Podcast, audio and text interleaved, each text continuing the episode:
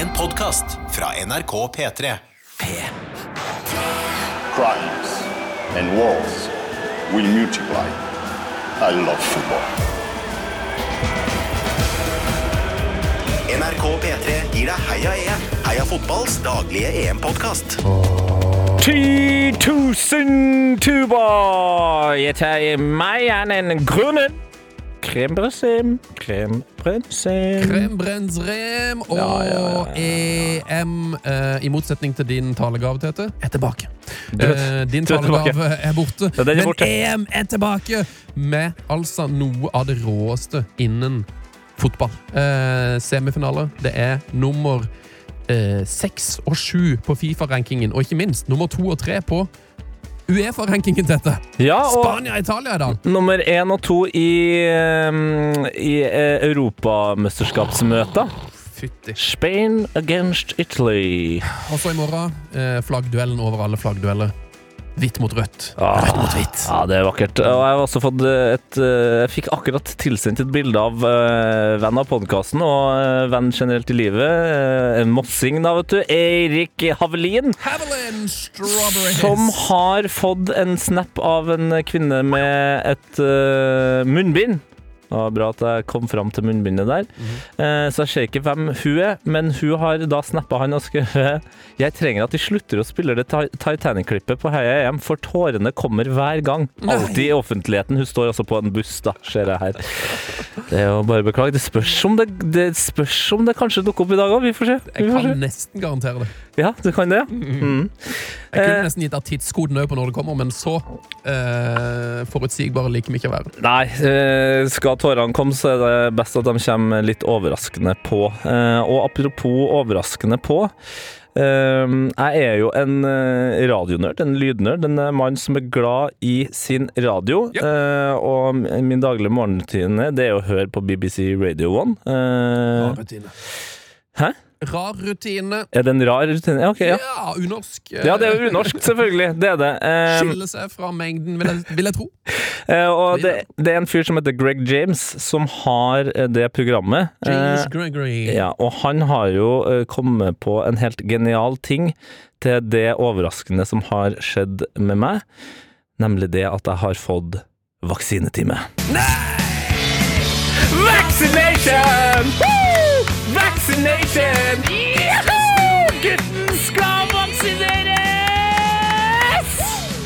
Vaccination! Woo! Vaccination! Oi, oi, oi, oi, oi, oi, oi. Det var det første som skjedde når jeg sto opp i dag. Melding fra Helse-Norge! Wow! wow. Helse-Norge, altså. Min favorittnettside. Ja, men De tenk klarerte meg i går. Du er frisk som en fisk, Sunne, sa de. Ikke sant? Og så tar de bare kompisen rett etterpå og sier Vi vet du står bakerst i køen, men nå skal du rett og slett Så, Vaccination! Er det mulig, altså? Oi, oi, oi, oi, oi, oi. Fantastisk. Eh, Det er mye god lyd i vente, og vi har fått nye jingler, Tete. Har vi det? Vår lydguru Christer Dahl har gitt oss nye jingler. Er du klar for premiere på ny jingle? Kjør på, da.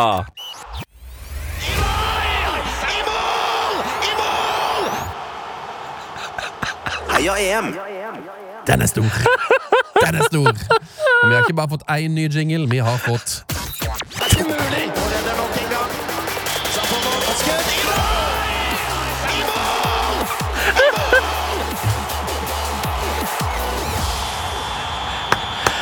Det koker i Heia EM i dag. Med gang! Det er ikke mulig. Det er gang! Heia EM! Nå er,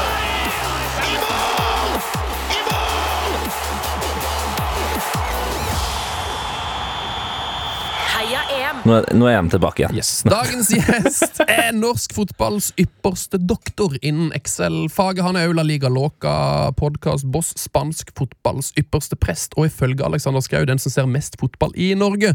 Vår gode venn og leverandør av Heia fotballreferanse under Kåpa Amerika på Viaplay, eh, er ordspillkongen Petter Wæland der. Ja. Ja! Det er en! Han Hei, det. Altså, eh, rett Jeg ble så glad når Petter spurte om Batistuta er der eh, oh. på Argentina-kamp. Ja, Da satt jeg og tenkte på dere to. Ja, det var, det, det var stort. Klokka 01.55 var det cirka, eller noe sånt. Eh, Nei, da er det vel pause, ikke det det? Med kampstart 01? 02.10. Det kan stemme. Eh, eh, altså, det var jo Det var Brasil-kamp i, i går. Der du kommenterte I den du. For Ja, meg i, det da- i dag, ja. Ikke Ja. sant? Eh, altså, du Har du vært opp siden, eller har du rukket å ta en dupp? Nei, jeg har sovet to timer. Du har sovet to timer, ja! To timer. ja! Du ser veldig Du ser årvåken ut fra en totimersdupp, altså. Ja, men eh, jeg begynner å bli vant til det nå, i disse Copa America-tider. Wow. Ja, for Hvordan legger du opp døgnet når det, når det er to enormt eh, store mesterskap, og som òg går på en måte back to back? Uh, der er fotball fra tre til, til fire, da. Det er 13 Ja. timer strekk. Ja, og så er det jo noe sykkel før der igjen òg, da. Ja, for det skal han ha med seg, ja, selvfølgelig. Ja, ja. En liten Wimbledon-turnering der òg, i tilfelle man syns at det blir for lite. Ikke sant? Og så kommer snart OL i Tokyo. Altså, nei, altså sove kan vi gjøre når vi blir gamle. Ser du mest fotball i Norge? Skal vi, er vi enige om det nå, eller? Har du møtt noen som ser mer? Nei, det har jeg ikke, men jeg har jo ikke møtt alle heller, da. Nei. Så eh, ut ifra en elimineringsmetode så er jeg vel ikke helt i mål ennå. Da må jeg jo eh, håper jeg, spørre enhver nordmann eh, og føre det inn i Excel. Ja. Um, Ja, og det, det, det kan ikke du gjøre, altså, fordi da vil jo du eh, miste fotballtid. Så du må jo nesten nei, vi, vi, nei, nei, men vi klarer å relatere det til fotball, for vi, da skal vi jo logge fotballseing, ikke sant? Det er en utrolig løsningsorientert fyr. da åpner vi et nytt ark i Excel-dokumentet. Altså må jeg bare si, Sven, og til deg som hører på, eh, at eh, når eh, Petter kom inn her, så hadde han på seg en eh, helt streit, fin eh, pikéskjorte, men det var altså ikke nok. For idet jeg satt på eh, mikrofonen her, så var det bare å rive den av seg. Veldig raskt ut i baris, kred for det. eh, Og på med en eh, Betis-drakt. Yes. Du ser altså så bra ut nå. Vi må, eh, vi må reklamere litt, må vi ikke det? Altså, men altså, Betis, altså, eh, det er jo for å liksom, bringe ånden til uh, Alexander Skau litt videre, da. Det er jo hans, hans lag. Det er jo hans Så det er jo òg en hyllest til en mann som har holdt det gående gjennom et helt europamesterskap her nå. uh, som uh, fortjener en ferie snart. Ja, det tror jeg altså. Eh, Andreas Bryn en av mange som har sendt inn gode lytterspørsmål til deg, Petter Wæland. Og han spør hvilken spiller har han flest ordspill på i EM? Altså, Jeg har jo prøvd å ikke resirkulere så mye, da. Eh, Men altså det, altså, det er jo én spiller som det er veldig lett å uh, lage mange ordspill på, da, i tillegg til Jan Sommer, som gikk sin seiersgang her uh, forrige episode, vel. Ja, Det er jo Fabian Skjer. Det skjer, ja. Eh, Hvis, hvis, det man, hvis man legger godviljen til, da, altså det kan jo skjære seg. Ikke Eh, sant? Han, han fikk jo et korrekt gult kort i den første kampen fordi han skjærte inn og eh, løp rett inn i løpsretninga til motstanderen. Ikke sant? Ja, der, ja. Eh, altså, der kan du spille på mye. Ja. Ja, ja, skjær, skikk òg føler jeg jo har blitt brukt en del. Skikk og bruk. Ja. Ja, Få skikk på angrepsspillet, ikke sant? Når Ikke de sant? Mm. Eh, men, Han er fra Skikk, ja, det er jo Mm. en fordel der. ikke sant? men Sven, var ikke du i, i karantene? Jo, jeg var det, men jeg fikk Det var dobbelt, det dobbeltbunn. Skal ikke du bare holde deg unna ordspill, eh, Sunde? Eller Altså, har du kommet ut, da? Nei, jeg må bare få si tusen takk til Petter. For det jeg har jo jobba med ordspill og mm, eh, hva skal man si, bevissthet rundt ordspill og respekt for oss i ordspillmiljøet i 10-12 år. Altså, dette er på en måte mitt pride, kan du si. Mm. Ordspillsrettigheter, da. Mm. Og de har jo, det, vi har jo vært knebla. Man har blitt latterliggjort som ordspillmaker. Eh, altså, det er litt sånn som skomakeren. Mm. det blir, du merker at det, det er stadig færre. Folk kjøper heller nye ord enn å, enn å, enn å rebruke. ikke sant? Eh, så jeg vil bare si tusen takk eh, til Petter for den jobben han gjør, for å på en måte gjøre ordspill populært igjen. Eh, fantastisk jobb. Jeg, Jeg er stolt eh, og glad for den jobben du gjør. Ja, altså, spørsmålet er jo om jeg gjør en god jobb, eller om jeg bare gjør mer skade. Altså, det er jo det begynner å bli litt sånn irritasjon, i alle fall på Twitter. Jo. Er det for mye ordspill og sånn nå? Men, men det jeg lurte på, Sven, var, var det en såkalt sventekarantene? Oi, oi, oi, oi, oi, oi, oi, oi.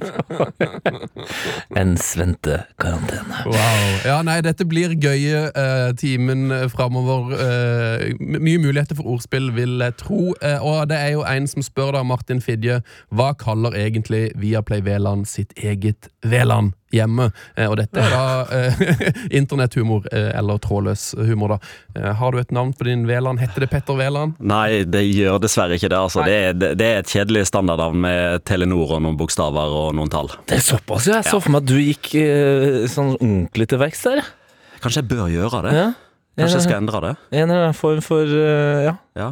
Finne et ordspill som ikke er Veland, da. For det er jo, det er jo tatt. ja, det er jo på en måte Ja. tatt allerede, ja. Eh, terningkast på EM til nå. Terningkast på EM til nå um, Nå er jo det, det er jo det viktigste som gjenstår, da. Som er litt sånn veldig utslagsgivende for den, uh, det terningkastet som vi gir til slutt. Men til nå skal vi være litt snille og gi det en femmer, da? Du er på en femmer, ja. Ja, Ja, jeg, lurer Helt enig. Helt jeg lurer på det. Men og du føler jo, siden du Jeg er, er på seks, kanskje. ja, Du er jo på seks, eh, du er jo i ferd med å ordne en rollespillterning nå, så du er jo på tolv eh, på- til søndag der.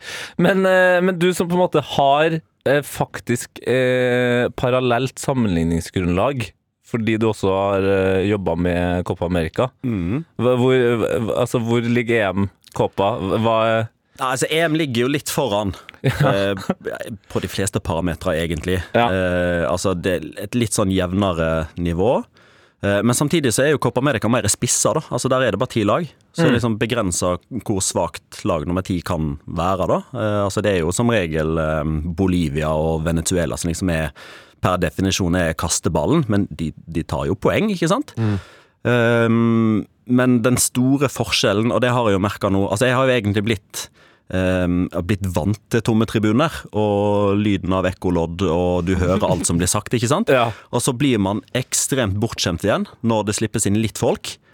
Da treffer man litt veggen når det er tomme tribuner igjen i Copa America. Ja. Det skal jeg være ærlig og si. Ja, den, ikke sant. Det, Ja. det blir litt som, sånn som det spesielt har vært her i Oslo liksom det siste året. At det er sånn åpne, lukke, åpne, lukke. Så det, det som kanskje er mest slitsomt. Ja. Er det bare lukka, så er det bare lukka. Greit, da, Da forholder man til det Da har du det. å forholde seg til. Men Ja. altså, jeg er jo en sånn altså Livsmottoet mitt er at det, altså, trekk ut det positive, ikke sant. Og det er jo, det er jo 95% negativt at det ikke er folk på tribunen. Men det du tjener på det, er at du hører jo hva som blir sagt underveis. Ja, og du forstår jo det òg, i Copa America. Ja, åtte, ni av ti lag, forstår jeg. Ja. Brasiliansk eller portugisisk er jo fortsatt ikke stabil på, men i natt eh, Altså Tiche, den brasilianske landslagssjefen. Ja. Altså, hvis jeg hadde fått eh, 1000 euro for hver gang han ropte 'Richarlison! Richarlison!' så kunne jeg ha trigga utkjøpsklausulen til Neymar og fått han til å spille for Spydeberg. Ja, men altså, Kjørte han en slags Mourinho-Luke Shaw-variant der? Altså, Måtte han styre den hele veien, eller? Ja, og det var primært når Brasil ikke hadde ballen. Ja, Han lå litt for høyt hele tida, han gjorde på motsatt side. Ja, for han spiller litt mer Altså, han spiller kant Ja. Eh, i Brasil. Ja, Han lå mye ute på kant, og så ble han flytta mer inn sentralt. Eh, nærmere Tiche eh, i den andre omgangen. Men før, før vi går over til Måtte eh, han teache han litt om og der, eh, ja, der kom han! Der ja, kom det, det er nå jeg føler meg alene, faktisk. Eh, Men, Jeg må men teache litt på motstanderlaget i dag. Ja, det er litt teach. Eh, Men eh, før vi går videre over på, på EM her, så må jeg bare sånn Altså, hvordan Altså, hvem ser best ut i, i Kåpa? Fordi altså, det, både Brasil og Argentina er videre. Argentina skal spille i semifinale i kveld. Ikke? Uh, ja, eh, klokka 03.00 norsk Ja. tid natt til onsdag. Ja. Men eh, hvem av dem er det som ser best ut? Altså, Brasil var jo store favoritter da mesterskapet starta, og det syns jeg egentlig Det er et favorittstempel som de har eh, egentlig bare befesta. Um, litt sånn rusk i maskineriet i de siste gruppespillskampene, men da var liksom avansementet allerede sikra. Førsteplassen var aldri trua etter at de vant 7-0 i de to første kampene. Um, 1-0 mot Chile, 1-0 mot Peru. Det er liksom Du har Thiago Silva, Marquinhos, Danilo, Renan Lodi bak der. Eh, altså, Alison står ikke, fordi Ederson er enda litt bedre, ikke sant? ja, Så de, det, de, de er slipper jo ikke like mål. Eh, og så har de Neymar der Ja. framme. Eh, du har Richarlison, du har Casemiro. Altså. eh, det går egentlig noen runder rundt Argentina. Eh, men Argentina har Messi. Han Ja. er toppskårer. Ja. Flest målgivende. To i stanga. Han er ganske god i fotball. Eh, og eh, ja, dere, kun dere var- 34 dere var, år. jo- Dere var jo inne på det. Altså, det er jo en sånn der eh, klisjé da, om at de, eh, altså, de eldste er fortsatt eh, eldst. Mm. De beste er fortsatt best. De beste er fortsatt best. Ronaldo og Messi foreløpig eh, toppskårere i hvert sitt mesterskap sommeren 2021. Det er jo helt streit. Eh, Benjamin Sash, eh, mannen som bruker like mye tid på podkast og lyttespørsmål som du bruker på fotball. Jeg lurer på om han har et sånn Excel-skjema der han uh, har uh, liksom sjekka av hvor mange spørsmål han har sendt til, til de forskjellige podkastene. Ja, og, og det er jo flere av oss som er innom flere podkaster, så han må jo passe på, så at, for han kan jo bli avslørt om han stiller samme spørsmål til Ja, ikke sant? samme podkast. Ja, ja, ja, Sven er jo veldig inne på gjenbruk, da. Men Han lurer på er denne eh, utgaven av Spania egentlig så usexy? Nei, det er ikke det han spør om. Jo. Hvorfor er den utgaven av Spania så usexy? Han, fa han Ja, fastslår hvorfor? Han fastslår det faktisk, ja. Beklager. Ja. Sterk påstand. Ja. Sterk påstand. Men jeg skjønner litt hvor det kommer fra. Um, Men var, var de forrige eh, årgangene så sexy? Det var egentlig derfor jeg stilte på den måten. ja, ikke sant? Hva er, hva er sammenligningsgrunnlaget? Altså Sammenligner vi med 2018 eller 2010, liksom? Ja. Eh, sammenligner vi med 2010, så skjønner jeg definitivt at spørsmålet kommer. Men, men de, de fikk jo sin start en gang, de òg. Og det var EM i 2008.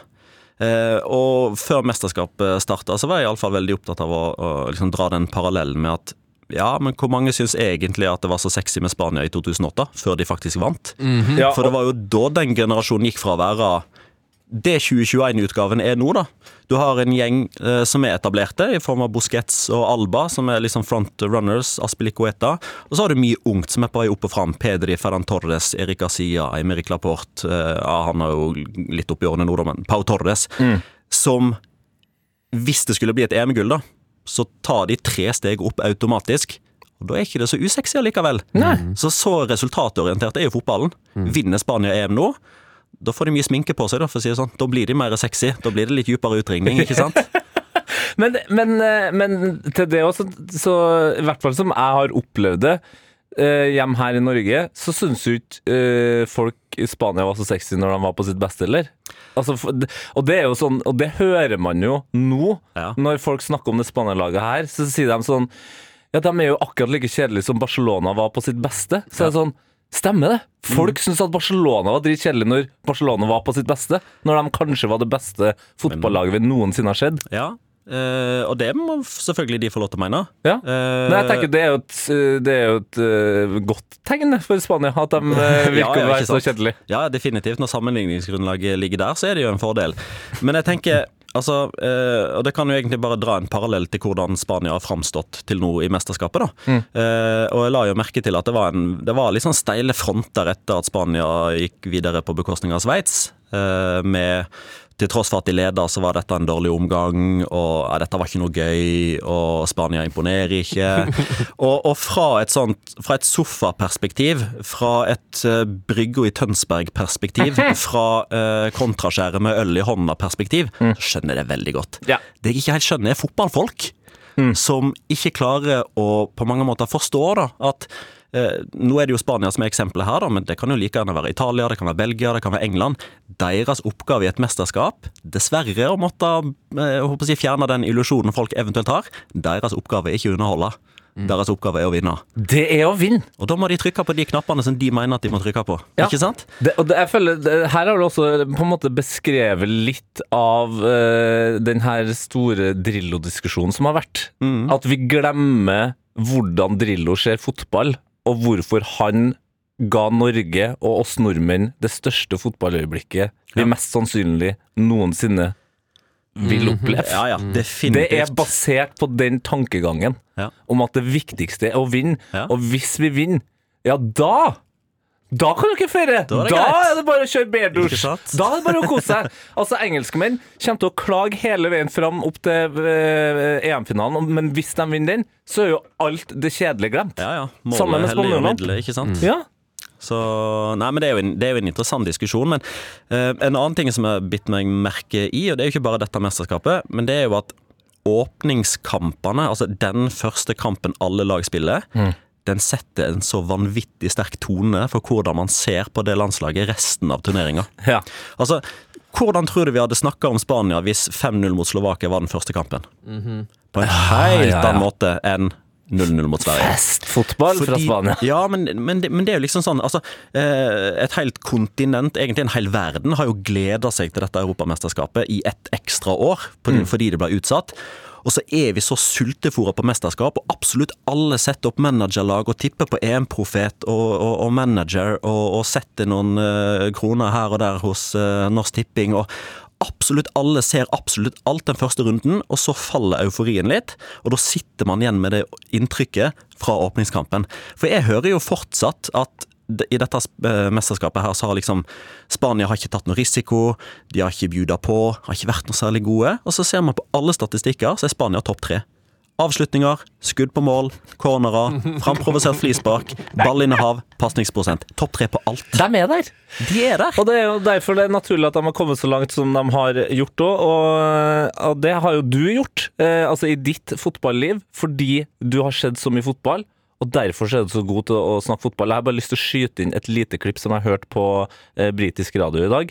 Bare for å eh, balansere ut, sånn at det ikke blir for ekspert, ekspertetungt, og at vi også kan eh, forholde oss til vanlige folk. For det her er noe av det bedre jeg har hørt. Eh, det er nemlig en eh, slags God morgen eh, England-programleder som heter Richard Madley, som åpenbart ikke har som peiling på fotball, men som gjerne hadde lyst til å kjøre en analyse på hvorfor England har kommet så langt, så jeg har lyst til å høre deres eh, analyse av hans analyse. What I thought was wonderful and really unprecedented in this tournament was the way that the, the English forwards really went up to their defenders and basically said, I'm coming through you. I'm sorry, you, there may be two or three of you, but I'm going to weave through and cross. And they did. They, they delivered. It was a real finding of confidence, wasn't it? And a finding of real, beautifully talented form. Ja, ja, Var, det var det engelsk? Jeg forsto ingenting. Hi English. Det som er utrolig, det mest komiske med dette klippet, er at han sitter jo egentlig og snakker med Big Sam. Altså Big Sam Allardyce får jo ikke sagt noen ting. Det er jo et, et uh, Det- inter, interview gone wrong. Ja, og jeg, må bare høre litt jeg Hør på det her. What I thought was wonderful and really unprecedented in this tournament was the way that the, the English forwards really went up to their defenders and basically said, I'm Hvem er their defendants? Altså, defend altså jeg, jeg skjønner ikke går, går, går liksom Mener han at Sancho går bort til Maguire, snakker med han om han får lov til å legge inn? Altså, det, nei, det er noe av det bedre jeg har hørt. Nei, altså eh, eh, Hæ? Skjer? Ja. Til, altså, fotballeksperten har eh, rett og slett Det ble eh, gresk for han. Ja, det ble gresk for han. Eh, J. Torsvik Y på Twitter har et meget godt spørsmål. Uh, jeg vil si det er koppverdig. Send oss gjerne din adresse på Ja. DM J. Torsvik Y. Kan vi få en nøye gjennomgang av hvorfor Real Madrid stiller svakt til det spanske laget? Uh, Real Madrid er jo Spanias største klubb. Verdens mest kjente fotballklubb. Men hvorfor har de nesten ingen spillere? Eller eh, altså, hvor, hvorfor er de ikke med i troppen engang? Hva skjedde med Real Madrid og Spania? Noen vil jo hevde at det i alle fall er litt sånn eh, Det er litt tension der, da, mellom forbundet og Real Madrid. Eh, Jeg tror det er ganske medieskapt, eller kanskje litt sånn supporterskapt.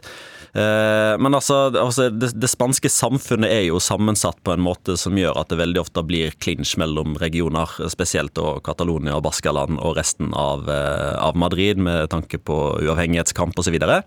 Forskjellig språk og litt forskjellig kultur. Um, og, og Real Madrid har jo alltid liksom vært forbundet med landslaget. da. Eh, Det er jo egentlig litt naturlig òg, da. Det er en hovedstadsklubb, eh, og en av de største klubbene. Det har det alltid vært.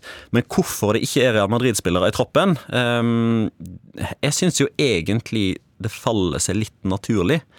Eh, For de to beste spanske fotballspillerne som var i Real Madrid forrige sesong, som har vært fast på landslaget, Daniel Carvajal, skada, Sergio Ramos, og nå må vi òg eh, avlive litt sånne myter som driver og florerer veldig på Twitter her nå.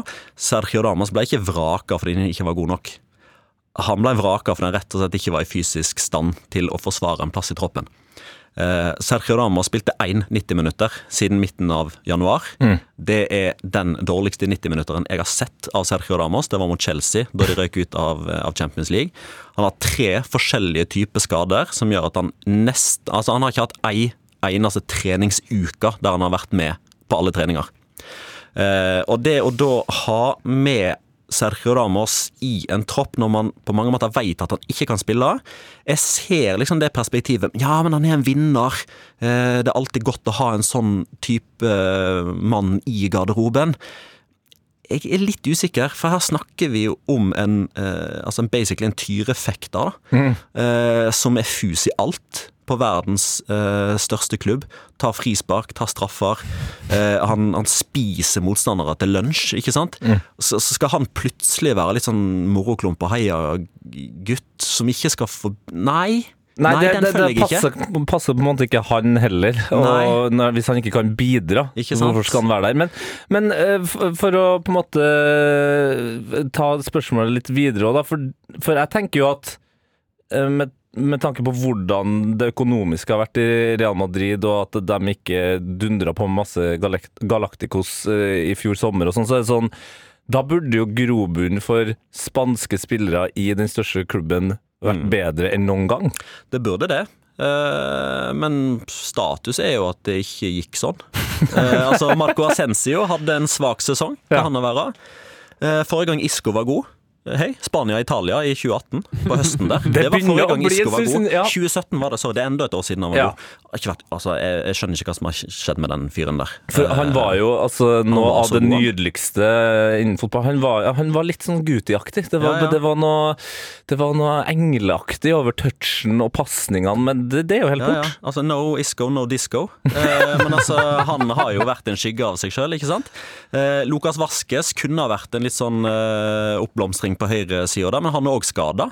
Den eneste som liksom forstår at Real Madrid-fansen kan være litt sånn indignerte på vegne av, er Nacho Fernandes. Eh, som jo er den som har tjent på at Sergio Ramos har vært ute med skade. For han har jo virkelig eh, plukka opp hansken og, og, og sett veldig bra ut, men samtidig Litt sånn opp i årene, ikke noe særlig landslagserfaring fra før av. Um, og så er det òg litt sånn, da. Luis Henrique er en veldig sånn sta fyr. Han går sine egne veier. Han var den eneste landslagssjefen som ikke benytta seg av alle 26 disponible plasser i troppen. Han tok bare ut 24. Det er, kn- det er knallhardt. Ikke sant? Og, og han begrunner jo det på en måte som jeg syns liksom er fin. Eh, for at eh, kamptroppene består av 23 mann. Det er bedre å ha én mann som er skuffa, enn tre. Eh, og det er maksimalt sju kamper som blir spilt. Han, han trenger ikke mer enn 24. Nei. Eh, og blir det noen skader, ok, men da har de dispensasjon til å hente inn erstatter. Siden også litt eh, med det at hvis Ramos hadde vært eh, frisk, så hadde han vært med. På en måte. Ja, ja. At det er ganske tydelig at hadde Ramos og Ascencio da for eksempel vært frisk, eller Carvajal, da hadde han vært med. Ja, definitivt. Og han, hans, han har jo fått spørsmål om dette her hele tida. Hvorfor er ikke Ramos med? Mm.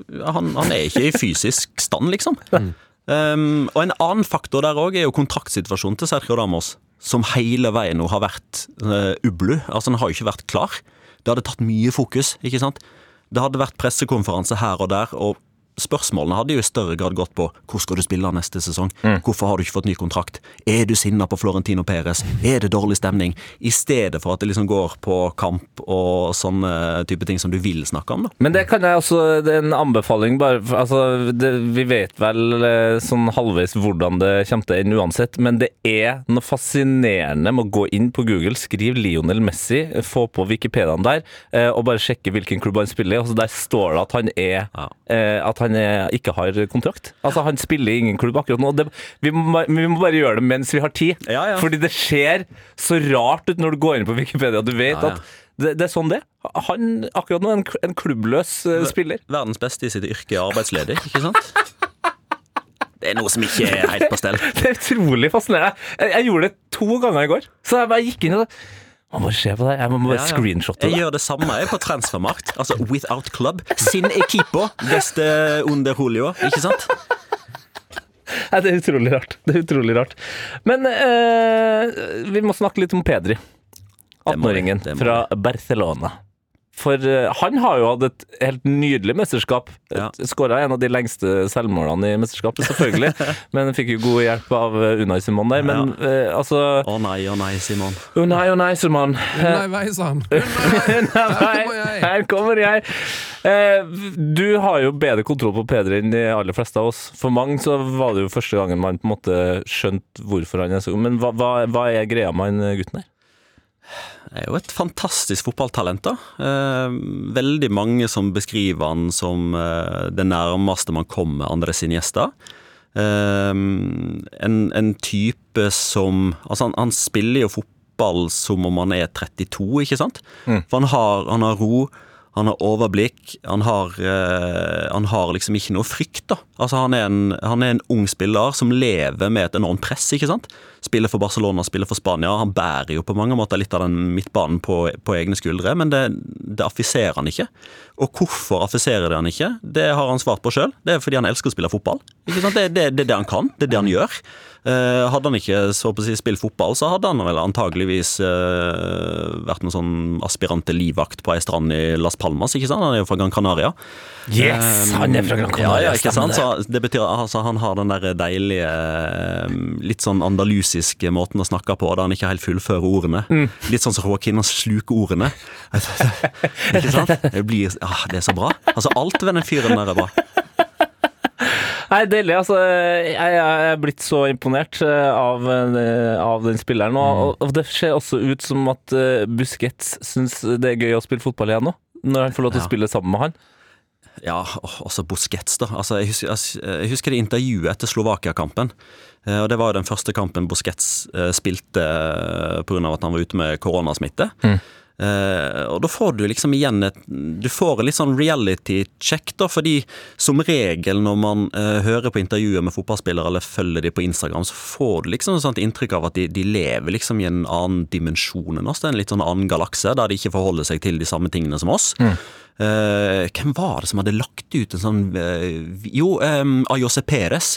Uh, Han lever, han lever bra i den bobla. Altså, han, han la jo ut en sånn kortfilm ham, av, av, av altså en type oppsummering av ferien sin på Ibiza. Ikke sant? Altså, Vi er som regel der. Det er som regel det innblikket vi får i fotballspillere. da. Men der står liksom Sergio Busquets altså, han sluker ordene fordi han holder på å begynne å gråte. Fordi det var så tøft å være i isolasjon og være redd for om han faktisk var eh, Altså kom til å bli sjuk av koronaen. koronaen. Eh, kom det til å sette han ut av spill resten av mesterskapet. Frykten for at han kunne smitte andre og ødelagt hele EM. ikke sant? Da får du litt sånn annet perspektiv på ting og tenker at ja, det er faktisk mennesker i kjøtt og blod, dette her. Og det er ikke bare disse bling-bling, høyre-høyre-guttene, ikke sant? Wow! Ja, det er sant. Ja, Og så er han god til å spille fotball, da. han, han er så god til å spille fotball. Jeg har sett eh, flere klipp på, på Twitter eh, i det siste der det, bare de har opp, Det var vel Var det Sveitskampen, da, tror jeg? De bare oppsummert sånn Sånn spill Nei, alle burde spille fotball som Busquets. Ja. Og så er det bare tre minutter av hans involveringer i den kampen. Ja, ja. Der han Altså, alt Spania eh, skaper, Ja. starter med Busquets. Og så er det vel nå eh, på tide å Dette er vel det liksom Q eh, på å komme med det legendariske Guardiola-sitatet. Hvis du ser hele kampen, så ser du ikke Busquets. Hvis du ser på Busquets, da ser du hele kampen. Boom. Der har du den, vet du. Men kjapt, men kjapt om eh, ja. bare en siste ting om Pedri. Uh, altså, det er jo liksom Hvem blir toppskårer? Jo, så sannsynligvis Cristiano Ronaldo foran Patrick Schick fordi han har en nazist. Kanskje kan Harry Kane skåre to eller tre. Eh, men hvem som liksom blir uh, Som får liksom prisen for gjennombruddet, da, altså Golden Boy Altså etter å ha sett Belgia sin kamp, så har jo jeg fått veldig sansen for, eh, for Jeremy Doku. så, så jeg kunne jo valgt han, men eh, istedenfor å velge Doku Nja Jeg kunne ha valgt Doku, men tar Pedri i stedet. Ja, ikke sant? Og han, Har jo kommet lenger, da. han, Pedri har jo allerede blitt sammenligna med Iniesta. Eh, men på en måte, hvis vi sammenligner, da, så er jo på en måte Pedri allerede Han er jo så ung. og har liksom, han har på en måte allerede kommet lenger. Eh, og Iniesta er kanskje en av de topp fem spillere liksom, i dette århundret. Eh, No du- pressure, kid! kan Pedri bli bedre, liksom? Tidlig å si, selvfølgelig, altså, men- altså, Nei, altså her, her er jeg jeg nesten programforplikta til å si nei. Eh, han kan ikke bli bedre. Det er rett og slett fordi det altså, Går det an, liksom? Mm. Han må jo, han, det, det, det er veldig mye som har klaffa. Du må huske på at Iniesta var eh, så god som han var på det perfekte tidspunktet i Barcelona-historien i tillegg. ja, Det, det ser ut til å kan bli litt vanskelig for Pedri. veldig vanskelig. Men igjen, da, tilfeldighetenes spill. hadde det ikke vært for pandemien, Mm. og dette europamesterskapet hadde blitt spilt i 2020, da hadde vi ikke hørt om Peder igjen. da. Boom! Boom! Kanskje timingen er perfekt. ikke sant? Plutselig så vinner de EM. Eh, plutselig er Barcelona står litt fast. Kanskje han blir den nye ledestjerna i nye Barcelona. Plutselig vinner de VM 2022. Hey! Plutselig er han tidenes spanske spiller. Karoline Caroline Steinholt med et meget godt spørsmål. Hvem på Italia og Spania vinner EM i søreuropeisk hårmanke? Oh. Den er ikke lett. Jeg føler at egentlig så er det jo Portugal. Det er Portugal. Caroline, det er Portugal. Det er Portugal. Det må bare skje, hvis du ser nøye på de troppene, så er det, er, har Portugal på en måte tatt, eh, kommet inn bakdøra der og er faktisk eh, øverst akkurat nå. Så. Ja, ja, jeg er enig. Altså, jeg, jeg bare tok et kjapt uh, overblikk på, på lagbildene til Italia og Spania i den forrige kampen. Mm. Og jeg tenker, det, det, er Er det noen som skiller seg ut? Altså Marcos Llorente kanskje med en litt sånn der typisk uh, Locatelli har en bra Men han må, også, han må bli svett først. Men da ja, ikke sant? bra Men da blir det altså. drag i det, ikke Ja, sant? ja, ja. så voldsomt òg. Ja. Rett etter at han har fyrt av fra 19 der, da, da er sveisen på sitt beste. Skjeggvekst derimot, der er spanjolene sterke. Der Ja. er det som regel en, fe, en femdagers. En god femdagers. Eh, noen få ord om eh, kvartfinalen mot Sveits. Altså, er det noe eh, du føler er viktig at vi tar med oss inn i kveldens semifinale? Nei, altså, jeg var vel litt inne på det i, i stad, med at eh, Ja, jeg, jeg forstår liksom at det kan være litt langdrygt å se på innimellom, spesielt når man ble så ekstremt bortskjemt for åtte dager siden med 5-3 og 3-3 eh, blant de to lagene der. Eh, men så tenker jeg liksom for min del, da. Altså, det- skal ekstremt mye til for at jeg syns at en fotballkamp er kjedelig. Fordi enten Jo, men, jo, men altså, enten så har du jo eh, mye gøy å se på, hvis det blir sjanser fram og tilbake, Hawaii-fotball, tjo hei. Gøy. Men hvis det òg blir sånn 0-0, så er det jo en sånn taktisk batalje der, da. Som jeg vet å verdsette. Ja. Eh, og der er jeg jo ekstremt eh, spent på hvordan kampen i kveld kommer til å utvikle seg. For det er jo egentlig litt sånn Det er jo en, det er jo en strategikamp som egentlig skal vinnes her. Eh, Der eh, Roberto Mancini sin taktikk til nå har liksom vært gå i strupen. Vi skal ha det gøy. Én gang. Ja. Vinn på teknisk knockout og slå sjøl når motstanderen ligger nede. Ja. Ikke sant? Men Spania er litt mer sånn ja, 'Nå skal jeg slå Nei, jeg skal ikke slå deg. Nei, nå skal jeg slå. Nei, jeg skal ikke slå Der slår jeg deg! Bare når du minst Ja, venter ja. det, ikke sant? Litt sånn Mayweather-variant der.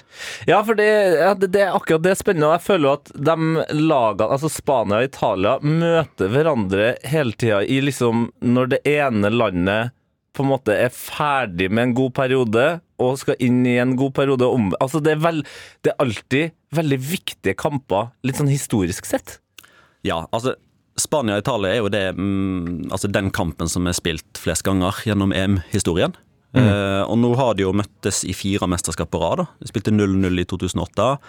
eh, 1-1 i gruppespillet i 2012, og da vant jo Spania 4-0 i finalen. Italia slo ut Spania i 2016, 2-0 i 16-delsfinalen- nei, åttedelsfinalen.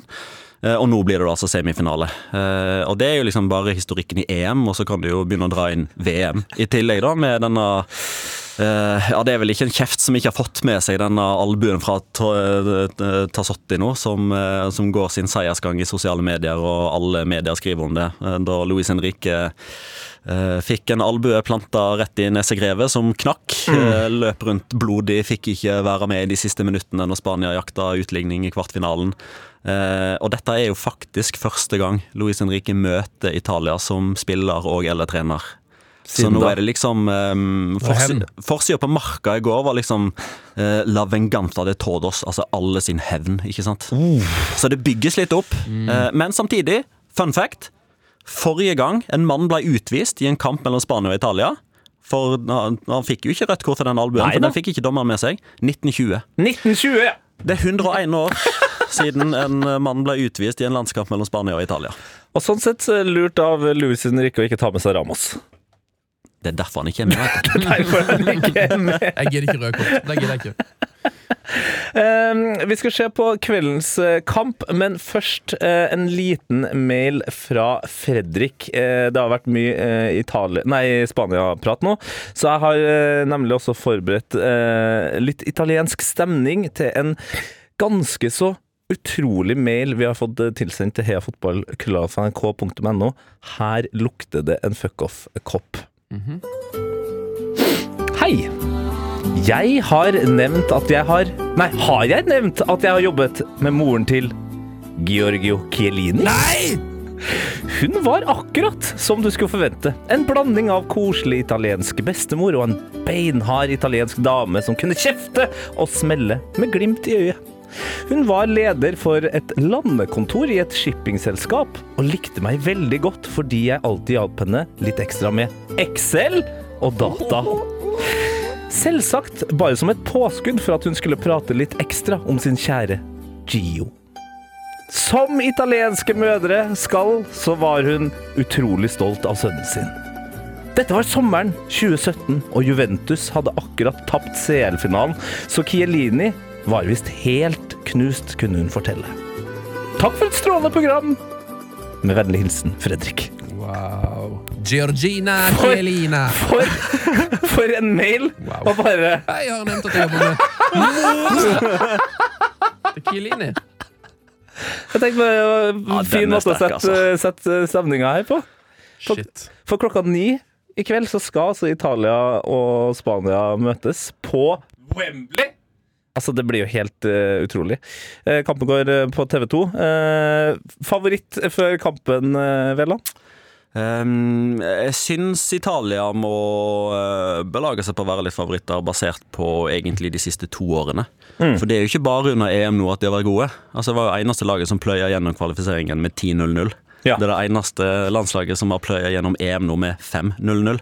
Ikke sant? 15-0-0. Mm. Da er du favoritt, tenker jeg. Ja, ikke sant? Altså, ja, de, eh, de setter jo liksom rekord på rekord her, og er- har, har de nådd rekorden til Spania fra sist? Altså antall landslagskamper ikke tapt, eller? Den er vel på eh, Er den på 38, tro? Ja, det er den vel kanskje, ja. Eh, Jeg tror vel de, de er i nærheten av å tangere hvis de da går til finalen og ikke tapper den. Nettopp. Eh, Men da kan det vel hende at de må unngå en, eh, en sånn derre Da må de ikke tape i nachspiel-kampen. Den første som kommer etter EM, tror jeg. Ja, og det er ofte, ofte litt Det er ofte da de går på en smell. ikke sant? Altså, sånn sett så er det jo eh, ekstra viktig for Italia, det her, men eh, fotballspillere sier jo at de ikke bryr seg om rekorder, så vi får se hvordan det Det går. største makkverket av en uttalelse jeg har hørt, Ja. det gjør de. Altså, hvis, hvis, du, hvis du sitter én til én med Cristiano Ronaldo eller eh, Harry Kane, eh, og de eh, fortsatt prøver å si at de ikke bryr seg om rekorder, Ja. ja, da, da tror ikke jeg på nå lenger. Nei, da blir det lang nesa, ikke sant? Harry Pinocchio. Harry Pinocchio Kane! Det som jeg lurer litt på, er jo um, om man klarer å spå hvem som kommer til å starte for eh, Spania. For det, vi har snakka veldig mye om Italia, vi har snakka mye om England. Eh, det er store, gode tropper. Vanskelig å si hvem som starter. Hvorfor spiller ikke Sancho? ikke sant? Eh, Ja. Italia har eh, Verratti på benken. Eh, men sånn, Spania har jo på en måte egentlig akkurat den samme problematikken. Eh, Jeg ser det rykte om at Fabian Ruiz kanskje til og med Han var vel på tribunen sist. Oyar Sabal, som jo har avgjort straffekonk, og som er en superstjerne, han er jo ikke engang fast. Altså, de har en enorm bredde uh, i troppen sin òg. De har det, så det er klart det kan jo hende at uh, Oyasa baller på seg litt grann når uh, Luis Henrique skal velge elveren. Han har så, så mange å, å velge mellom. Um, han har gjort justeringer fra den ene kampen til den andre i å si, hver gang han har hatt muligheten til det. Det har ikke vært den samme elveren i noen kamper um, i løpet av EM. Og det blir jo en endring denne gangen òg, fordi Sarabia, som starta mot Sveits, han er jo skada, så han er ikke med. Så det kommer garantert til å bli en endring der. Ja, og det er en smell fordi han kom inn og var et friskt pust. Og på en måte den, den enableren den kanskje mangla mot Sverige. Ja, og han, eh, han skåra og hadde målgiverne over tredje sist eh, på skåring mot Slovakia. Eh, Han var òg god mot Kroatia. mm. Så det er jo en, det er en smell, definitivt. Men jeg tror ikke det hemmer Spania like mye som det faktum at Spinazzola er ute. For, for Italia. Ikke det er sant. skikkelig synd, altså. Ja. Og vet du hva? En ting jeg liker med Luis Henrique, og jeg tror oppriktig talt han mener det, og at det ikke bare er sånn mind games. Eh, han sa at det var, det var skikkelig synd ikke sant, at Chaka var ute med karantene. Han Ja. mener det er skikkelig synd at Spinazzola er ute, for han vil møte de beste. Ja. Han vil liksom ikke, han vil ikke at det skal eh, på noe som helst vis skal, kunne de, eh, devaluere en prestasjon. Da.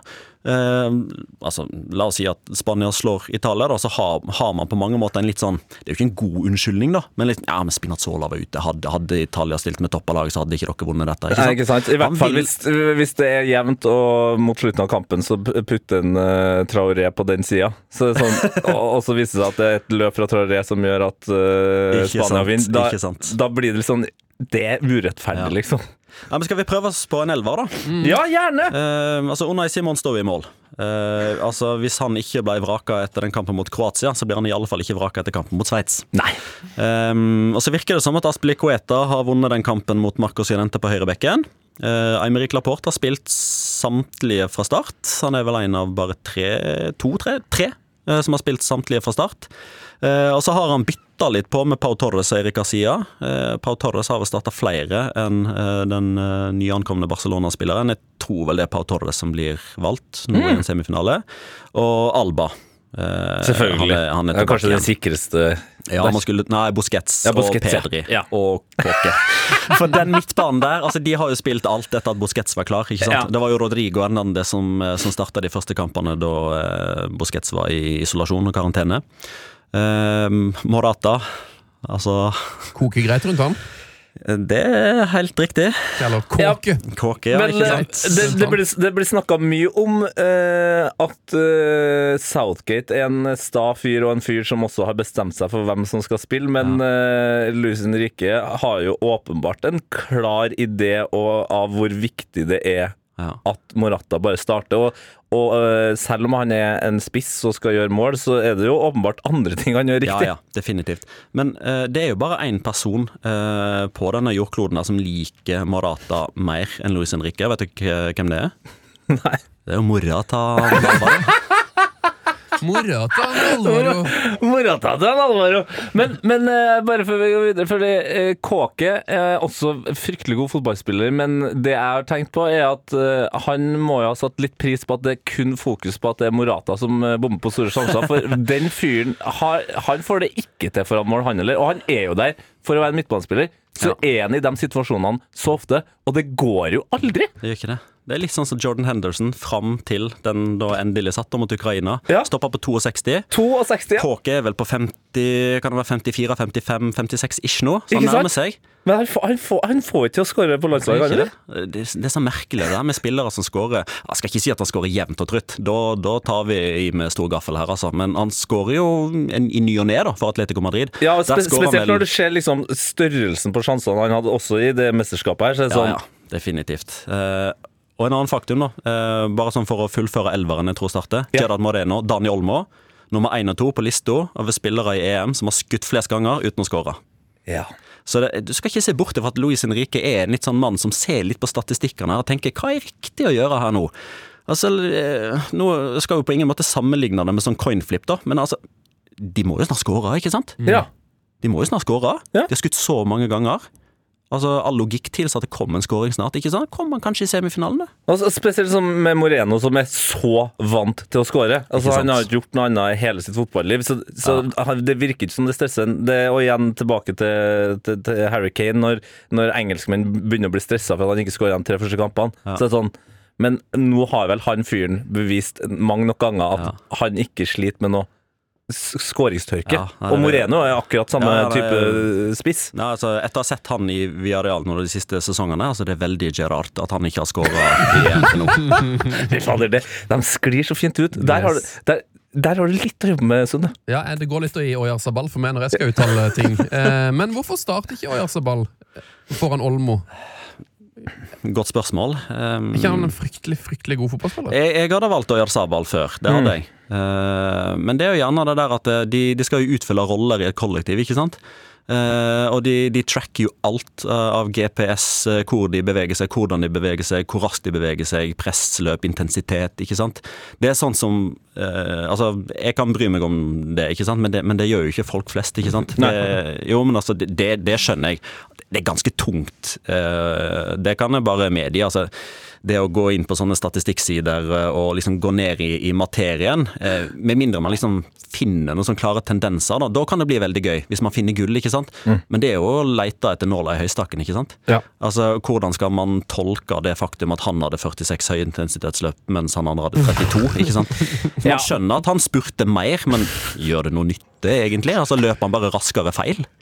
Du, en, en teori som har vært om Jaden Jadon Sancho, er at han ikke får spille for England fordi han spiller liksom i Tyskland. Og da er du ikke aktuell i engelsk presse, og du er liksom ikke aktuell i, i Southgates hode. Mm. og Fabian Ruiz som spiller i Napoli. Er, Ja. er det sånn i Spania òg, at liksom han har på en måte eh, drita seg ut med å spille i feil land, eller har ikke den noe å si?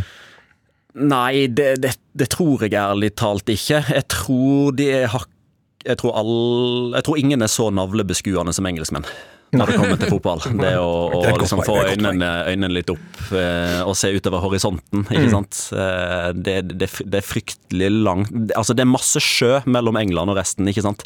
Eh, der, der har man en litt annen Men, men det handler jo òg litt om fotballfilosofien. Da. Altså, I England så går man jo rundt uansett eh, hvor gode, eventuelt ikke gode man er, så går man rundt og mener at man er best. Eh, og det kan man jo håper jeg, sette pris på, ikke minst eh, både anerkjenne og ikke minst kanskje misunne. At man liksom har en sånn selvtillit på pondus at uansett hvor tidlig man ryker ut, så er man egentlig best, ikke sant? Ja, vi, så, vi hørte jo bare på Richard Medley sin analyse. Altså, den, den mengden selvtillit å gå inn på analysen Man kan der jo ikke argumentere mot det han sier. Man, man kan jo ikke det. Det er faktisk umulig. They just went through the defenders. Men eh, det er en del ting som taler for at uh, Italia taper, da. Uh, som du sa i stad. Altså, de må jo til slutt skåre, disse spanske angriperne, selv om de skyter og skyter. Uh, Italia må jo til slutt tape. Og som du var inne på i stad, Petter. Altså, Spania har et sånt merkelig rykte for å være Fram til 2008 så var det liksom dårlig mesterskap. Ikke et samla landslag. Men samtidig så er de jo på en måte et av de lagene som har vunnet EM flest ganger. De har jo den, en av verdens beste liga. De vinner Champions League hele tida. Glemmer vi litt at liksom, eh, det er en helt ekstrem vinnermentalitet i ryggraden på spanske spillere òg. Eh, vi, vi skryter alltid at Tyskland alltid vinner, men eh, glemmer vi at Spania er mer vant til å vinne fotballkamper enn itali italienerne? Litt usikker på om vi glemmer det, eller om vi ikke ønsker å anerkjenne det på grunn av at de kan Jo, men eh, altså Det som kanskje er den største forskjellen på spansk fotballmentalitet og norsk fotballmentalitet, det er jo risikovurdering. Eh, altså, jeg tror du finner ganske mange fotballtrenere og fotballspillere i Norge som mener at du tar lite risiko hvis du bare banker ballen så langt unna mål som overhodet mulig. Fordi da flytter du vekk ballen. Det er jo en måte å se det på, men da spiller du som regel ballen til motstander. Ja. Og da kan motstanderen skåre. ja. I Spania er det jo sånn at hvis du har ballen ja, Nå motbeviste kanskje Pedri og Unai Simon det, da. Men så, så, lenge, så lenge Spania skjeller ballen, så skal det mye til for at motstanderen skårer. ikke sant? Så risikovurderingen hos Spania er jo nettopp det å, å ikke ta risiko, med mindre man er ganske sikker på at man treffer på pasningen. Ja, altså, Eh, så føler jeg det, det er en ting som Og det er rart at man sier det i 2021, for nå har vi sett så mye eh, spansk eh, Vi har sett så mye spansk fotball nå, og, og, og Guardiola er jo en mann som på en måte har brakt det her både til Tyskland og til England. Men, men jeg opplever at folk fortsatt glemmer det når de ser Spania nå, og ser at eh, Spania har så mye ballinnav. Det viktigste med det ballinnavet er jo ikke nødvendigvis antall pasninger, men hvor raskt de får tak i ballen når de mister det. Ja, ja. Og det, for deg som syns det er litt kjedelig å se på Spania, følg med på det. ja, ja. For det er jæskla gøy å se hvor hardt stjernespillere jobber for å få tak i den ballen ja, ja. de første fem sekundene etter at de har mista den. Det er derfor de har den hele Det er jo de helt avgjørende sekundene, ikke sant? Fordi når Spania mister ball, da er de som regel i ubalanse. Fordi de er innstilt på én ting, det er at nå har vi ballen, nå angriper vi. Og de har heller ikke så veldig mange altså De har egentlig ikke så veldig mange atleter. Altså der Italia er liksom fulle av atleter. Men altså, de kunne like gjerne deltatt i OL i 400 meter hekk, ikke sant? Mm. Det har ikke Spania så mange av. De har ikke så veldig mange som flytter seg veldig raskt fra AtB. Så Derfor er liksom de første sekundene etter at de taper ballen, de er så kritiske. ikke sant? Du så jo den sjansen som Alexander Isak fikk, som Markus Berg fikk, kom jo på bakgrunn av at de ikke klarer å vinne ballen tilbake igjen med en gang. Eh, Så det, nei, det er fascinerende dette her med, med spillestil og hva som er gøy og hva som ikke er gøy. Og, men det mangfoldet må vi jo ha, ikke sant? Ja, og den eh, kampen her, den, den er jeg sikker på at blir gøy. Egentlig på bakgrunn av det du sier, da. At enten så får vi en Hawaii fram og tilbake, tjo og hei, eller så blir det altså en, en deilig grappling-kamp der man bare kan sitte og, og nyte de små nyansene av både taktikk eh, og kreativitet, og liksom en vilje til å vinne, da. Ja, ikke sant? Eh, og så er det, altså jeg er jo eh, altså kanskje understatement å si at jeg er glad i statistikk og fun facts. Ja, det er en understatement jeg føler ikke at jeg overselger meg sjøl da. Er du litt glad i fotball òg, når du først er inne i understatement? Ja, la oss ta med det, ikke sant. Så hvis, hvis du får da kombinert de tre, Ja. da får vi følgende. Eh, og her skal jeg jo naturligvis kreditere den som har liksom funnet fram dette, for så sjuk i huet er jeg ikke at jeg sitter og fører statistikk på Eurovision. Men det er et sentralt, oh, det er et sentralt tema her. La Liga en directo, Fran Martinez, hola que tal. Ehm, han gravde fram uh, følgende da Måneskin eh, vant Eurovision nå for ja, det blir det halvannen måned siden. Godt nytt for Spania. Og hvorfor er det godt nytt for Spania? Ja. Det er godt nytt for Spania fordi Altså, hva for et mesterskap er dette her i rekka? Eh, det begynte i 1960, ikke sant? Eh, ja, skal vi si at det er 20, ja, 25. 25. Ja. 25. Ish. Eh, og det har blitt arrangert Eurovision da 24 ganger i et EM-år. Eh, og i løpet av de EM-årene så har Italia eller Spania vunnet Eurovision tre ganger. Ja. Det må vi 15, 25. Eh, Ikke 25, men 15. Ja. Beklager. Beklager. 15. Ja. I 1964 så vant Italia Eurovision. Hvem vant EM?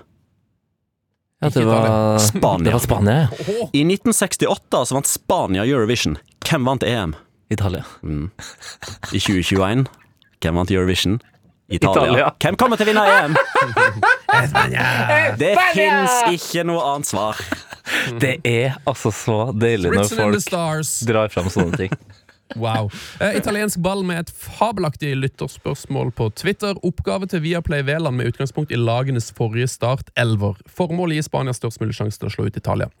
Eh, verktøykasse. Han må hente tre spillere fra Italia over til Spania. Samtidig må han sende de tre som erstattes, tilbake til Italia. Eh, vanskelig, men veldig veldig gøy Oi. oppgave. Du kan hente tre italienske spillere som vil ja. forsterke Spania sitt lag. Jeg hører at du sier at det er vanskelig, men dette er jo såre enkelt. Deilig! Donnarumma, Chiellini, Immobile. Boom! De skal inn for Unai Simon, Eimerik Laporte og Alvaro Morata. Da fikk jeg faktisk frysninger. How do you like them apples? Jeg, jeg begynte å forberede meg på bare sånn øh, Skal jeg være litt sånn hyggelig og i hvert fall i, i, i verste fall gi den liksom uh, lagoppstillinga. Det Jeg rakk så vidt å komme på VG Live. Så øh, det er Det, det ble smart! Ja. Italiensk ball. Um, hva sier de spanske avisene om innsatsen til Spania det EM her, hvis de ryker ut i dag? Uh, jeg tror egentlig stort sett alle og enhver kommer til å være fornøyd med en semifinaleplass. Bortsett fra Real Madrid-fansen, som kommer til å si at hadde dere hatt med noen fra Real Madrid, så hadde vi vunnet hele skitten. Ja. Eh, og grunnen til at en semifinale er bra, er jo at det er jo flere steg fram fra de foregående mesterskapene. ikke sant? Altså det, det er lett å henge seg opp i 8, 10 og 12. Eh, Men det er jo verdens største bakside av en medalje. ikke sant? Det er at Du blir jo alltid sammenligna med det. I 14 ut i gruppespillet, 16 ut i åttedelsfinale, 18 ut i åttedelsfinale. Så dette vil jo Var det kvartfinale? Og ut mot Russland i. Russland, ja. Jeg tror det var kvartfinalen. jeg. Eh. Så dette vil jo da være et steg fram, og det vil være et steg fram midt i et generasjonsskifte der både Real Madrid og Barcelona ikke er i nærheten av å være på sitt beste. Og det er en ny generasjon som er på vei opp og fram. Veldig mange unge spillere. Som egentlig ikke skal være på sitt beste før EM i 24, VM i 26. Ikke sant?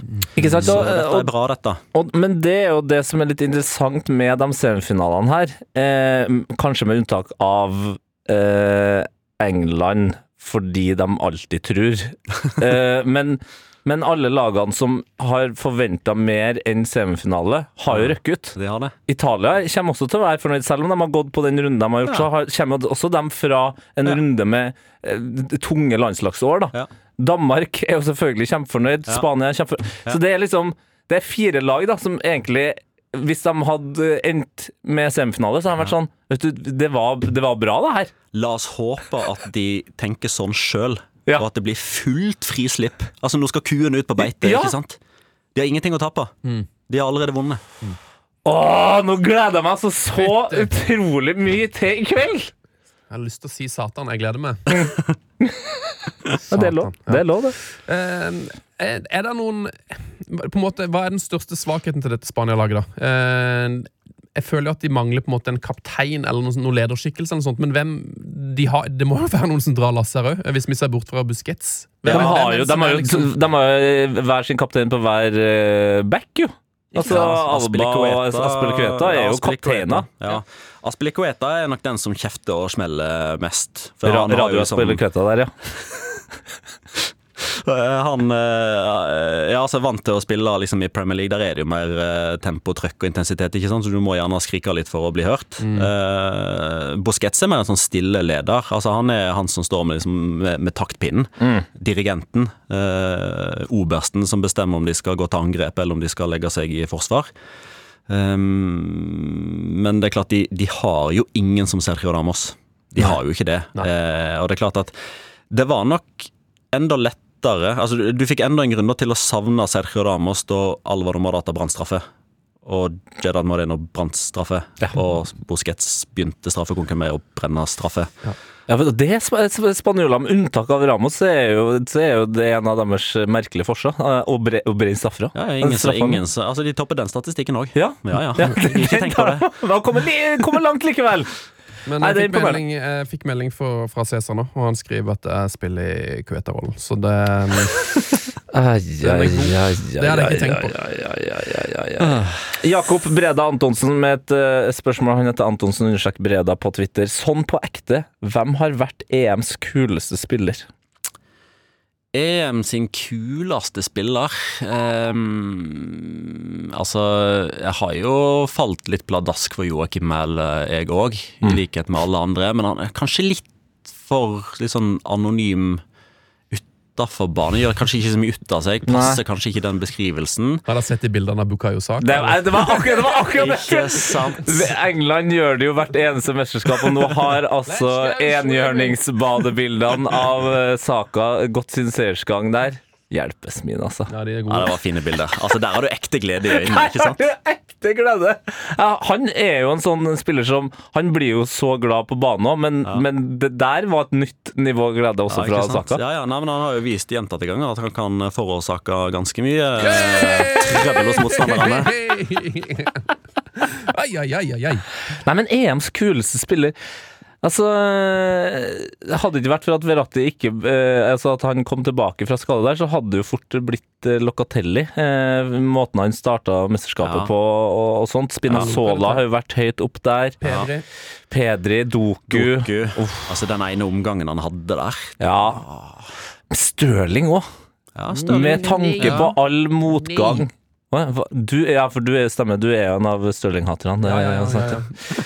Det er jo viktig å, å gå, det går med flokken. Det er viktig å Sunne. respektere Stirling-haterne òg. De har òg en stemme.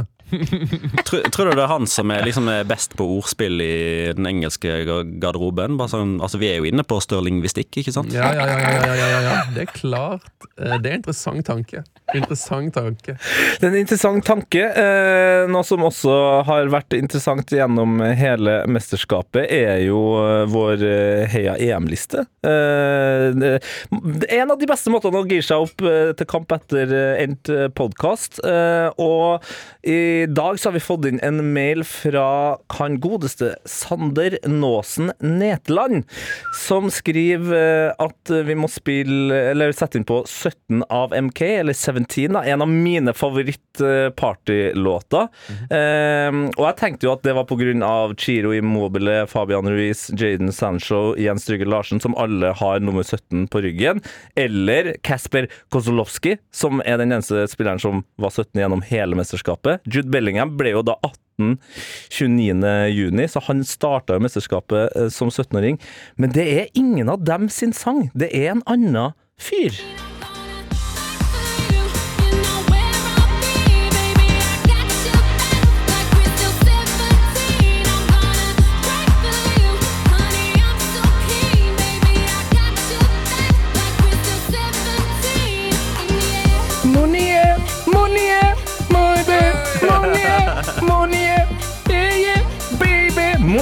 Mondier-sangen, folkens! Han kommer jo alltid til å levere i mesterskap, uansett hvor fleik han er på klubblaget sitt. Det er helt rått. Thomas. Munier-sangen. Altså, den den, går rett inn. den må jeg få lagt inn. Ja. Uh, apropos 17. Mm. Antall mål skåra utenfor 16-meteren i EM. Nei! 17! 17! Altså, hvor, altså, det er jo helt perfekt at uh, denne godlåta går inn på Heia EM-lista, med andre ord. Fantastisk. Eh, Vi skal kjøre en uh, liten gåsehudtest før vi går til um, Hot or not-spalten vår. Ja. Eh, Da er det rett og slett bare å lukke øynene alle sammen. Uh, Gjerne du, Petter. Mm. Og så må du bare se om uh, du er mottakelig for gåsehud eh, nå. God redning igjen. Nå er han plutselig en eh, tiger i buret. Er ikke mulig. Og redder nok en gang. Safonov og skudd! I mål!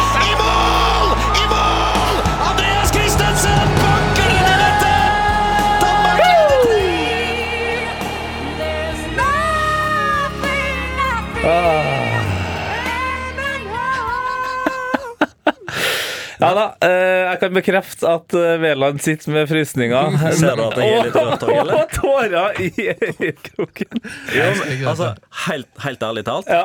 den som fant på det å legge Titanic-musikken på fotballklipp altså, Hvis jeg finner vedkommende, så skal jeg kysse føttene hans. Ja, ja, men gi den personen fredsprisen. Altså, det er så epic. Og vi har jo snakka masse om eh, Spania, litt om Italia nå, og i morgen så er det jo også England-Danmark. Og det er bare Når, man, eh, når vi snakker da vi gir terningkast til mesterskapet, og vi begynner å tenke på at herregud, det har snart gått en måned, og det har snart gått en måned siden det som skjedde, skjedde i parken, og så har det gått to uker siden det målet der. Mm. Og så er Danmark kompisene våre eh, over dammen der. De er i semifinalen. Altså, det Tenk da, jeg vil si 10 000 tuba, og jeg skal Vet du, vet du hva jeg gjør?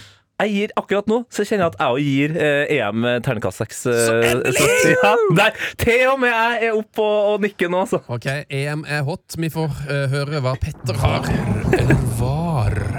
Statsråd, er du for eller mot var? Hva eller var? Er du var for var? Var eller var? Var eller var? Var eller var? Ja da. Der er du god. Call Fillins. Call Fillins. He's calling for Fillins. Hei, hei, hei. Hva er var, og hva er var? Hva er hot eller not? Det er. Eh, Det er det store spørsmålet, eh, og da er det jo eh, bare god folkeskikk å be gjesten om å komme med- sin hot først. Hot. um, da har jeg falt Da har valgt uh, Patrick Schiek, jeg, altså. Du har det, ja? Ja, eh, fordi Litt sånn sammen med Emil Forsberg men han er liksom trukket fram tidligere. Eh, han, han skulle liksom ikke være på toppen av toppskårerlista. Altså, han er der sammen med en mann som spiser rekorder til frokost, ikke sant? Eh, han har skåra fra 55 meter. Uh, han har vært delaktig i å gi meg et av de største latterkickene i løpet av sommeren. Takk skal du ha, Marius Skjelbæk, for den uh, fantastiske gjenskapninga. Altså, jeg, jeg lå på bakken, eller på gulvet, i, i bua, og tårene spruta, liksom. Altså, når den eh, mikrofonen henger etter eh, foten til eh, Skjelbæk som et dasspapir når du trodde det ikke kunne bli verre, ikke sant? Å, fytti. Nei, men For en nydelig mann. Men det som òg gjør at jeg syns at Patrick Schick er hot, er at han har gitt meg eh, en av de kuleste fun factene Åh. i dette EM-mesterskapet. Det var faktisk en dobbel EM-mesterskapet. Det blir feil. Ja. Europamesterskapet. Europamesterskapet, ja. Han er den eneste spilleren i dette mesterskapet som har skåra mål mot alle himmelretninger. Nord, sør, øst og vest. Det her er den mest tilfredsstillende funfacten jeg har blitt servert i Heia fotballs historie. Vi må huske på at jeg var gutten som eh, hadde, altså, hadde jo på en måte da helgepappa, og han flytta jo en del. Mens eh, jeg og morsan bodde på samme plass. Og det jeg ofte brukte tida mi på eh, når jeg lå i senga hos pappa, var å finne ut hvilken himmelretning jeg lå i forhold til senga mi hjem. Ikke sant? Så det der Og en annen ting, en annen ting Jeg vet ikke hvorfor det er sånn, men veldig mange fotballstadioner Altså, det er et begrensa utvalg her, da, men Jo, altså, både i Spania og i mesterskapet her nå, veldig mange som ligger nord-sør. Veldig få som har målene øst-vest. Så han har fått det til likevel. Han har fått det til allikevel. Jeg har egentlig så mange spørsmål, men jeg vil ikke ha svaret på det. Ja, den er strålende. Å, det var digg! Den var skikkelig god, Tete. Eh, hva er din hot? Eh, jeg bare tar min, her, for Ja, det er fortsatt store isbiter. Nei. Jo, jo, jo, jo. Jeg er helt frelst. Har du prøvd store isbiter, eller, Petter? Eh, men Prøvd altså i munnen eller på kroppen, eller hva, hva snakker vi? Hva er, kontek hva er konteksten? I glasset. Store isbiter i glasset? Ja, Ja. altså, man har hatt liksom Hva, hvordan definerer du stor? Altså, Ja. Hvor går grensa? Hva er stor, hva er liten, hva er medium? Den er jo da nesten som en stor som en tennisball. De nye store Oi! isbitene. Ja, eh, det har jeg aldri prøvd. kjøpt. Altså Eh, fire ganger fire, eller? Centimeter, eller? Ja, men kanskje, kanskje mer der. Kanskje til og med seks ganger seks. Oi. Eh, fyller hele glasset, nesten. Eh, og så er det jo sånn at da har du en, is, en isbit eh, som varer gjennom en hel fotballkamp. Det er så bra. Skal du på et eller annet tidspunkt i løpet av mesterskapet her og hype f.eks. kaffe Baileys eller eh, Aperol Spritz eller andre ting som har vært i vinden o- over lang, lang tid, eller? Altså, Nei! fotball, for eksempel? Ja, kanskje det. så det er ny. Store Nyoppdagelse. isbiter mens man ser på fotball. Det er min hot. Ok, det er din hot, ja. Eh, min hot som italiamann er, er Bonucci. Ok. Eh, Det er jo så utrolig mange fantastiske fotballspillere vi skal få lov til å se i løpet av kveldens eh, kamp. Men jeg kjenner, altså jeg, jeg tenkte på det da jeg sto opp i dag, jeg tenkte på det når jeg la meg i går, at den personen jeg gleder meg mest til å se denne tirsdagen, det er Bonucci. Jeg gleder meg bare til å se. Så- Din gode venn. ja, og det, ja, men det, det føles nesten litt sånn, og det, det er på en måte også den tryggheten av at hvis det går galt, så, så var i hvert fall Bonucci der. Ja. Og jeg kjenner at det, setter jeg så utrolig pris på. Og så ligger det noe så herlig over at Bon Ucci topper lista di. Hva med Top Nucci? Vi kan Top Nucci! Nei, så det var min hot. Veldig, veldig bra. Heia EM. Hot or not? Min not har vi fått på Twitter fra Magnus Aasbø. Eh, Magnus Aasbø1 heter han der. Eh, skrevet P3 Fotball Sven Sunde. EM-ballen har jo vært ute siden i fjor sommer.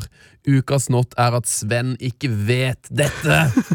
eh, Ranta imot at de lanserte eh, EM-ballen til EM. Ja. Eh, dette er helt, helt feil, sier Magnus Aasbø. Ja. Så den, den tar vi. Vi tar den. Det er lov, det. Det er lov, det. Eh, det, det altså, det er et kjempepoeng. eh, fra. Tilgi meg, fader, for jeg har syndet. Det er ikke første gangen eh, Sven har sagt det, for å si det sånn. Eh, hva er din not, uh, Vella? Min not er jo det faktum at eh, hvis du er VIP og rik, så trenger du ikke forholde deg til de andre eller samme karantenereglene i Storbritannia som fotballfans må. Riktig. Uefa. Stang ut rødt kort. Få Ja. det bort. Ja. Ja. Det er en kjempenott, og min not uh, har vi vært innom før. What I thought was wonderful and really unprecedented in this tournament was the way that the, the English forwards really went up to their defenders and basically said, I'm coming through you. I'm sorry, you, there may be two or three of you, but I'm going to weave through and cross. And they did. They, they delivered. It was a real finding of confidence, wasn't it? And a finding of real, beautifully talented form. Wow. Nå, nå skjønte jeg litt hva han mente. På forsøk, var det tre eller fire? Ja, det- jeg tror det var tre. Ja, altså, running up to their defenders. Altså, Da mener han jo altså, de forsvarsspillere som da passer på dem, ikke sant? Altså, Ja, okay. eh, ja, dere kan være to eller tre, men jeg løper forbi deg uansett. De gikk bare rett gjennom de, Ja! Tror jeg. og line crosses. Wow! De dreit i det, Tete. Ja, de dreit i det. Richard Medley, eh, du er min not i dag, altså. Ja, det er fantastisk. Bør jeg, visst, bør jeg ha visst hvem Richard Medley Nei, er? nei. Nei, nei, nei, og han er, han er en Han er en litt sånn Hva heter han Hva heter han, da? Han eh, Arsenal-fan som er grusom både på Twitter og på TV og i amerikansk og engelsk TV.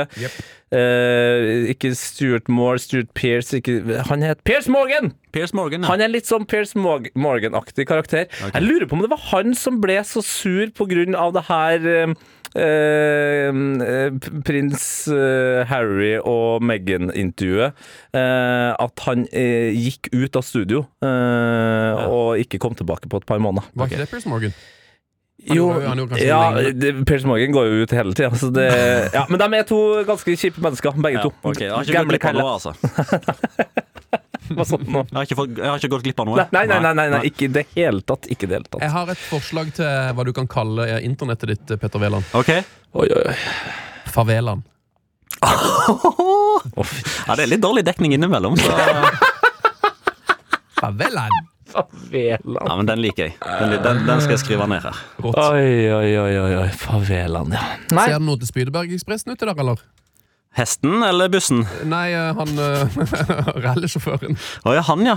Eh, nei, han har ikke jeg sett på en stund. Han har sett broren, da, Henning. Ja, ja, ja. ja, ja. Eh, og dattera jobber på lokale Coop-butikken. Og ja da, vi er stolte av eh, Solberg, vi innflyttere òg. Ja. Jeg så for øvrig fikk et, eh, et, et spørsmål her med liksom hva er Spania sitt svar på Spydeberg. Oi. Eh, og det må jo eh, måtte gjøre litt research, da.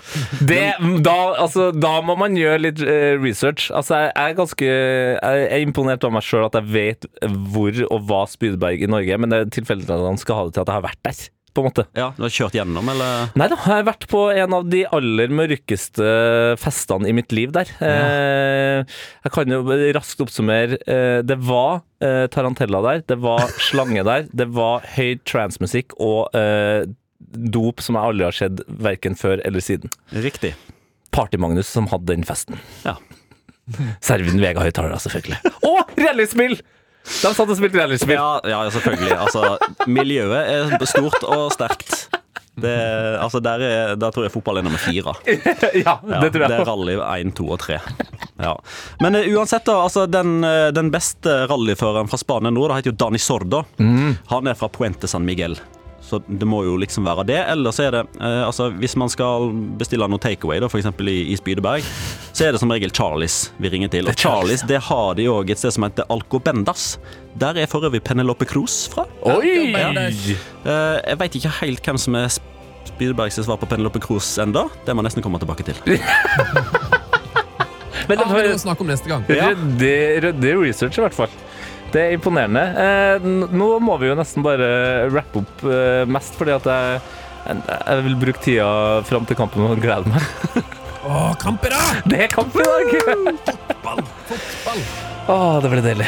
Deilig. Petter Wæland, tusen hjertelig takk for at du tok deg tid til å høre på de dumme spørsmålene våre. Og svare på det, ikke minst. Nei da, det er kjempegøy, det. Så i stedet for å si Eller jeg kan si både fuck off, men i dag så må vi jo si vaffanculo. Og vete a la mierda! Ah, vete a la mierda! Fuck off!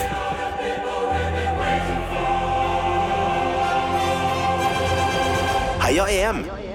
Heia fotballs daglige EM-podkast fra NRK P3. Det er ikke mulig!